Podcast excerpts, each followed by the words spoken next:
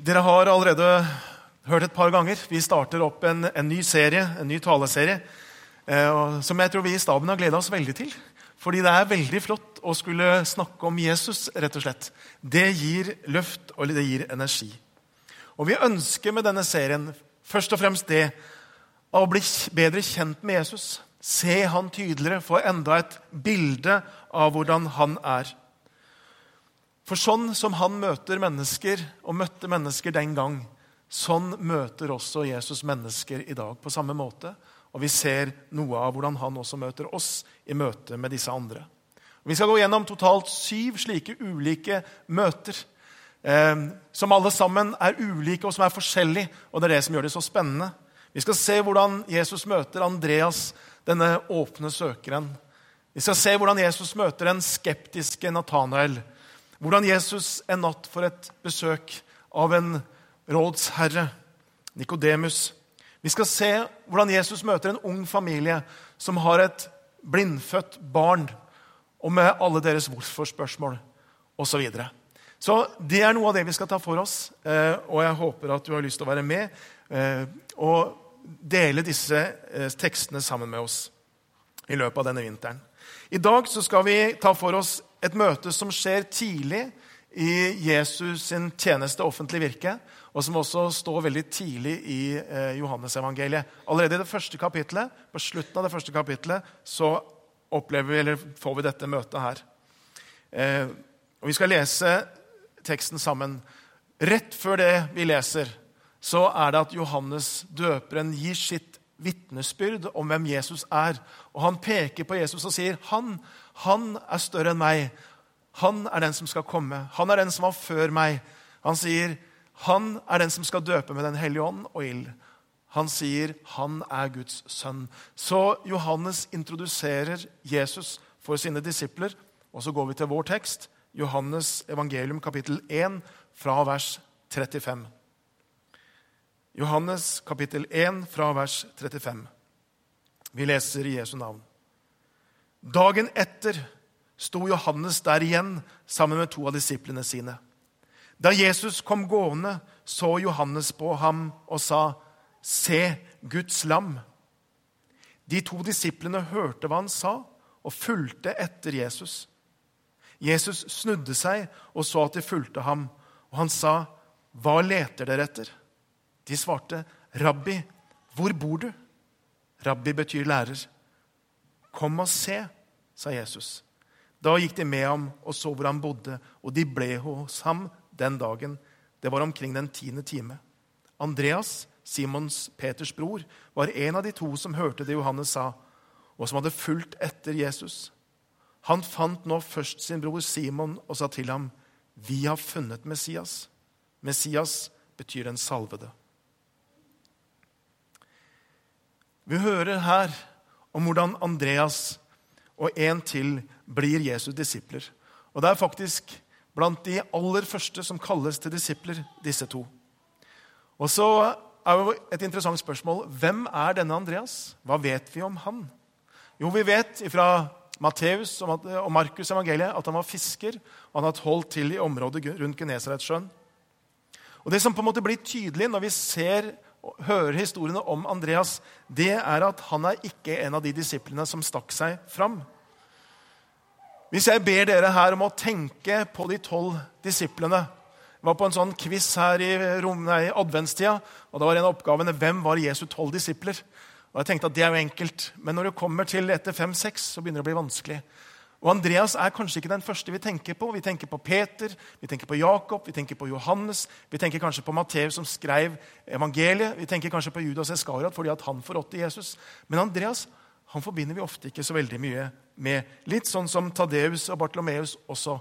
Ja, De var disipler, de òg. Til tross for det så er altså han blant de første disiplene som Jesus kaller. Hva er Andreas egentlig mest kjent for? Å være Peter Simons bror. Det er han mest kjent for. Og sånn presenterer han også i den teksten vi leste. Eh, Peter, det, det, finnes en del sånne opplistninger i Bibelen over disiplene. Hvem er først på alle de listene? Og Peter er først. Selvfølgelig er han det. Og Han er den som er kjapp i replikken. Han er den som fører ordet. Han er den som fikk lov til å gå på vannet. Han er den som når pinsedag er der, står fram på torvet i Jerusalem og forkynner. Det er Peter. Også Andreas var da broren hans. Peters navn er nevnt 153 ganger i Det nye testamentet. Andreas sitt navn er nevnt 12. og Det sier noe om styrkeforholdet. Så forskjellen mellom disse to brødrene er ganske slående. Peter er alltid først. Andreas er lenger bak. Peter er i rampelyset og liker sikkert det veldig godt. Andreas er liksom mer i skyggen. Peter er den ekstraordinære. Andreas er den mer ordinære. Men det er altså den helt ordinære, den helt vanlige, den litt usynlige, den litt grå Andreas som Jesus kaller aller først. Jeg vet ikke hvordan det er med deg, men jeg syns det er litt flott. Jeg synes Det er ganske godt å tenke på. Fordi at jeg kjenner meg mye mer igjen i Andreas enn i Peter. Han som liksom var den ekstraordinære. Men Andreas han kan jeg jo kjenne meg litt igjen i. Og han var det Jesus kalte aller først.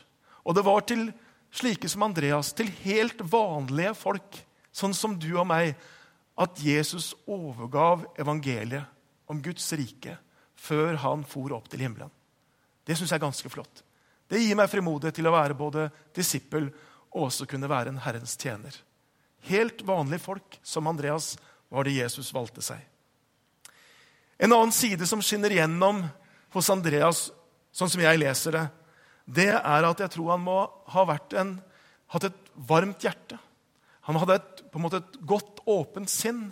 Jeg tror han var en god mann, den godeste Andreas. Bare tenk på det.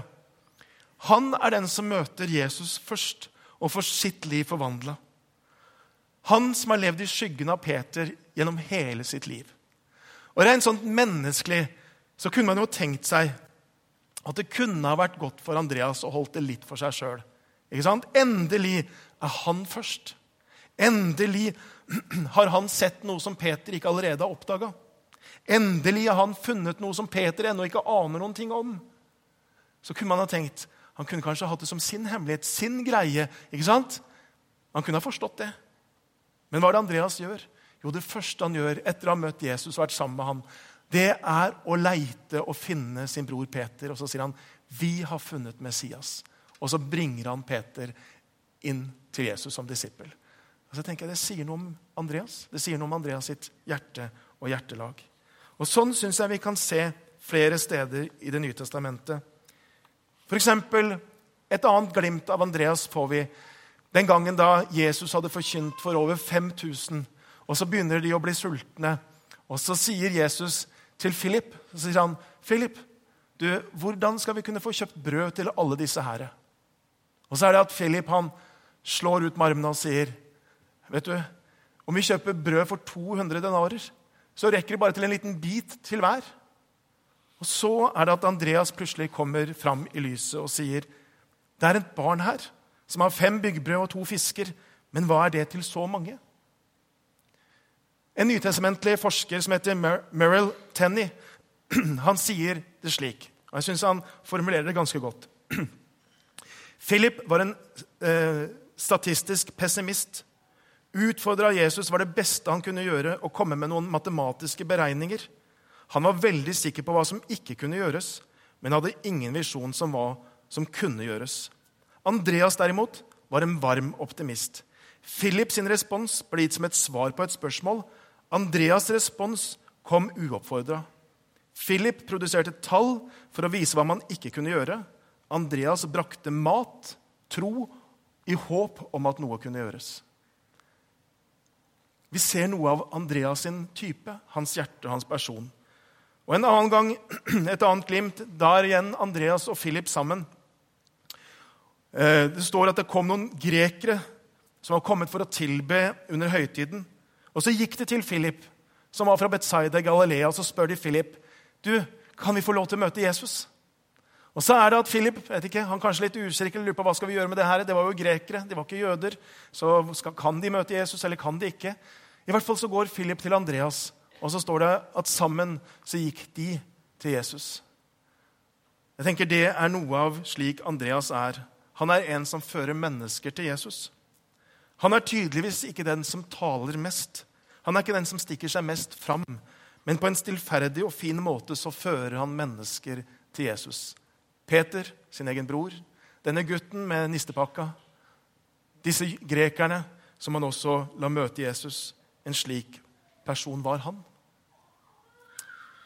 I 1934 så ble Albert McCain han ble en kristen. Han var 24 år gammel, og han var bonde.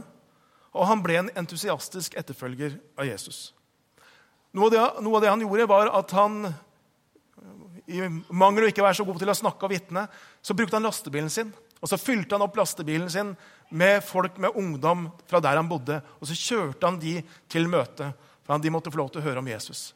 Og Så inviterte han rundt omkring. og En av de som han gjerne ville hatt med seg på et sånt møte, det var en eh, kjekk, ung mann, en nabogutt, eh, som ikke var veldig interessert. Han var nok det vi i dag ville kalt en player. Han hadde flere jenter gående på gress og veldig travelt på kjærlighetsfronten. Og han var ikke veldig interessert heller i dette som hadde med kristendom å gjøre. Men til slutt så klarer Albert McCain å få han med rett og slett ved å si at hvis du blir med i kveld, så kan du kjøre lastebilen min. Og det hadde nabogutten lyst til. Så han ble med på, skulle kjøre dem til møte. Og når han først var der, så ble han med inn. Og så satt han der. Og så blir han helt trollbundet av det han hører. Undervisningen av Guds ord. Og så kommer han tilbake kveld etter kveld etter kveld. Til slutt så gir han livet sitt til Jesus Kristus. Og Siden den dagen så har nabogutten forkynt evangeliet for 250 millioner mennesker. Han har vært åndelig rådgiver for ni eh, presidenter i USA. Han er i dag 96 år gammel. Han er en levende legende. Og det er jo Billy Graham jeg snakker om. Og så tenker jeg, ja, Det er kanskje ikke så mange i denne salen her som blir den nye Billy Graham.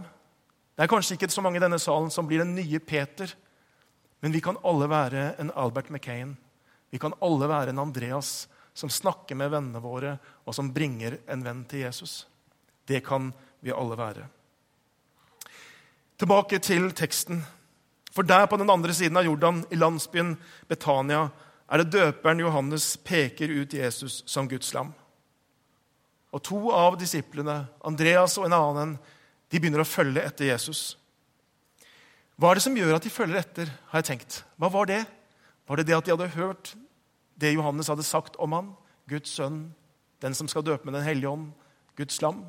Eller var det noe ved Jesu person som gjorde noen, en utstråling, noe som gjorde at de bare kjente her er det noe vi må ha tak i? Jeg vet ikke. Uansett så følger de etter ham bortover veien. Jesus han merker det, og så snur han seg rundt, og så stiller han et spørsmål. Hva er det dere leter etter? Hva er det dere leter etter? Og så er det et spørsmål som i hvert fall har en dobbel bunn. Det ordet på gresk som betyr å lete her, kan både bety å lete etter noe rent konkret, men det kan også bety å søke en mer overført betydning og også å søke Gud. Hva er det dere søker? Hva leter dere etter? Så tenker jeg at Det spørsmålet der det stiller Jesus til Andreas og den andre disippelen. Men jeg tenker i dag så stiller Jesus også det spørsmålet til oss. På bredden av et nytt år, hva er det vi søker? Hva er det vi leter etter? Hva er det vi lengter etter? Hva er det vi ønsker innenfor dette året her? Og jeg tenker Det er et spørsmål som egentlig tar et helt liv å svare på. Hva er det vi leter etter? Om Norge, Norges land skulle svart på det spørsmålet, hva leter dere etter, så vet jeg oppriktig talt ikke hva det svaret ville blitt. Men noe som jeg vet, det er at jeg tror det er mange i Norge i dag som har sett noe av tomheten i rikdom, i velferd, i sekularisme. Det er en lengsel i vårt land, det er en lengsel i vårt folk. Det er en åpenhet for det åndelige, det er en åpenhet for evangeliet som jeg kjenner jeg vet ikke om jeg har lagt merke til tydeligere mens jeg har levd. Det er en åpenhet i dag. I jula så var det en artikkel som var på flere av nettavisene, som kunne fortelle om en nylig eh, undersøkelse levert av MMI til Barne- og likestillingsdepartementet, som heter 'Slik er ungdommen'.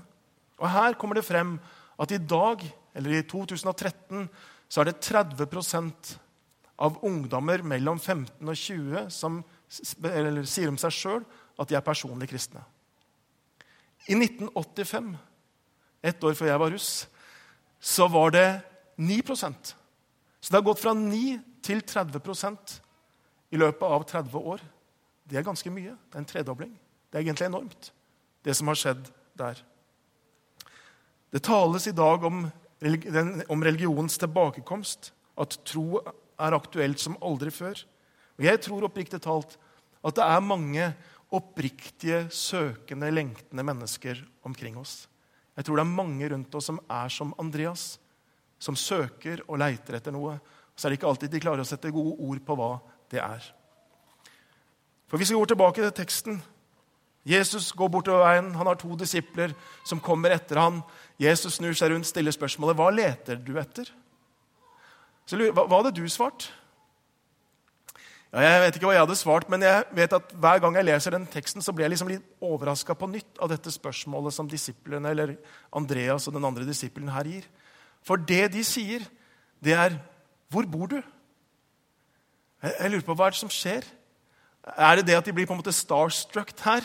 Liksom Her stalker de en eller annen som de ser veldig opp til, og så plutselig så snakker han til dem, og så, og så skjønner de nesten ikke hva de skal si.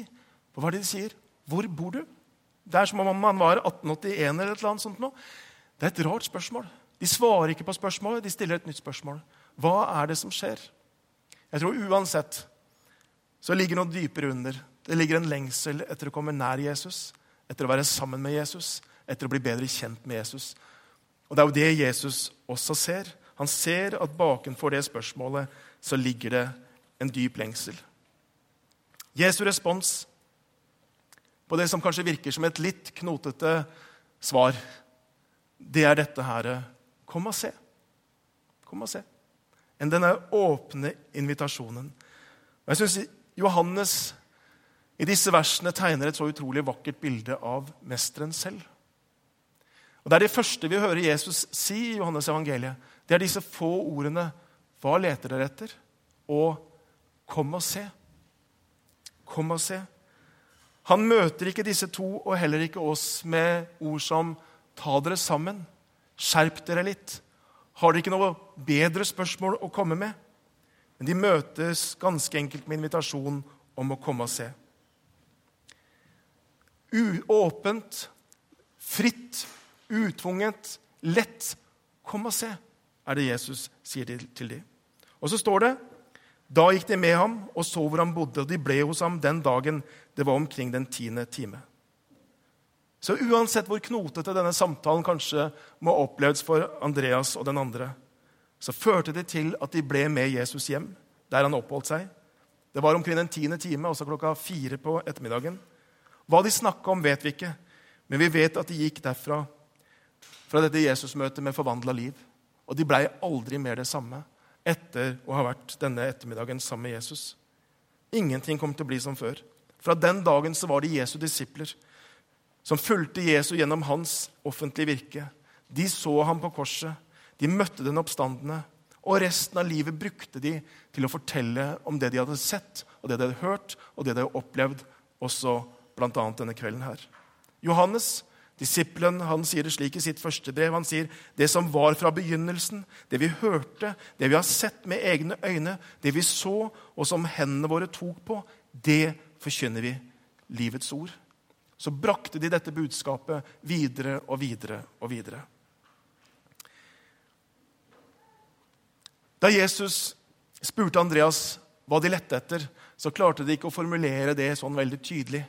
Og jeg tenker kanskje er det sånn også med oss. Det er ikke så lett egentlig å svare helt sånn entydig på det. Det er ikke alltid vi på en måte klarer å kjenne etter hva er det som ligger dypest i våre liv. Hva er det som vi dypest sett lengter etter? Det klarte heller ikke de. Men vi vet at etter denne samtalen og etter det møtet så hadde og visste Andreas at han hadde funnet det han lengtet etter, det han søkte. Han hadde funnet Messias. Og det er det han sier til Peters bror. Vi har funnet Messias, den salvede. Han hadde funnet den og det han lengta etter. Han hadde funnet han som var svaret på dypest sett alle hans lengsler og alle hans behov. Så tenker jeg at Jesu invitasjon gjelder jo ikke bare disiplene. Det er slik Jesus inviterer alle mennesker. Jesus kommer ikke heller til oss med religiøse regler eller formaninger eller moralske råd, Det er ikke slik Jesus forvandler våre liv. Han gir oss denne åpne, utvungne, frie invitasjonen. Kom og se. Han sier, 'Kom og se. Sjekk ut bevisene. Undersøk fakta. Gjør opp din egen mening om hvem jeg er.' Han sier, 'Kom og se. Følg meg. Se hvordan jeg lever mitt liv, hvordan jeg møter mennesker, hvordan jeg har mitt Guds liv. Kom og se.' Han sier, 'Kom og se når jeg underviser om Guds rike, når jeg gjør under og helbreder mennesker. Kom og se.' Det er ingen tvang. Det er ingen enkle svar. Det er ingen regler. Men det er dette 'kom og se'. Kom og erfar. Kom og betrakt. Og så vil det gjøre noe med deg. Hvordan kan vi møte Jesus i dag? Andreas og den andre disippelen de kunne fysisk følge etter han helt hjem. Og Så kunne de sette seg ned og så kunne de se og så kunne de høre. Hva med oss? Hvordan kan vi komme og se? Ja, Egentlig så kan vi gjøre det på en nøyaktig samme måte som de. Og Det er det som er så spennende. Vi kan komme og se nøyaktig slik som de gjorde. Hvorfor? Jo, fordi at de som kom og så den gangen, de satte seg ned, og så skrev de sirlig ned sine øyenvitneskildringer. Og så har vi det i Det nye testamentet. Og så kan vi i dag sette oss ned og så kan vi lese deres øyenvitneskildringer. Og så kan vi komme og se når han helbreder, når han møter mennesker, når han har sitt, sitt intime gudsliv. Så kan vi se slik som de så. Og så når vi kommer og ser, ja, så skjer det også noe med oss. I møte med ordet, i møte med vitnesbyrdene, i møte med øyenvitneskildringene, så skjer det noe med oss i vårt liv. Vi blir forvandla. Ikke ved regler, ikke ved moralske bud, men rett og slett ved at i møte med Jesus så skjer det noe innenfra. Det er noe som starter inni oss, og som vokser ut. Han forvandler våre liv når vi møter han. Når vi ser han ansikt til ansikt, så skapes vi til det samme bildet. Hans mål med oss er at vi skal bli likedanna med han. Han forvandler oss innenfra. Så uansett hvor du står i ditt Jesusforhold, om du er en ærlig søker, slik som Andreas var, eller om du er en helt ny disippel, eller om du har vandra med Jesus i mange år, så er invitasjonen der på samme måte, på bredden av et nytt år, innenfor 2015. Du kan komme og se. Du kan sette deg ned i hans nærhet. Du kan lese Guds ord, du kan studere det, du kan grunne over det, du kan meditere det. Du kan møte Jesus gjennom øyenvitneskildringene som vi har i Bibelen. Når vi gjør det, så blir også våre liv forvandla. I hans nærhet, i hans fellesskap, så skjer det. I et møte med Jesus så skapes det noe nytt i oss. Og det skapes en kilde med liv som veller fram. Invitasjonen på bredden av et nytt år, det er dette Kom og se, sier Jesus. Skal vi be. Ja, himmelske Far, jeg har lyst til å takke deg for ordet ditt. Takk for at det var noen som, som så sirlig skrev ned alt de hørte, alt de så, hva hendene deres tok på. Og så kan vi få lov i dag til å lese det, og så kan vi komme og se slik som de gjorde Jesus. Og så kan vi på samme måte få dette livsforvandlende møtet med deg som de første disiplene hadde.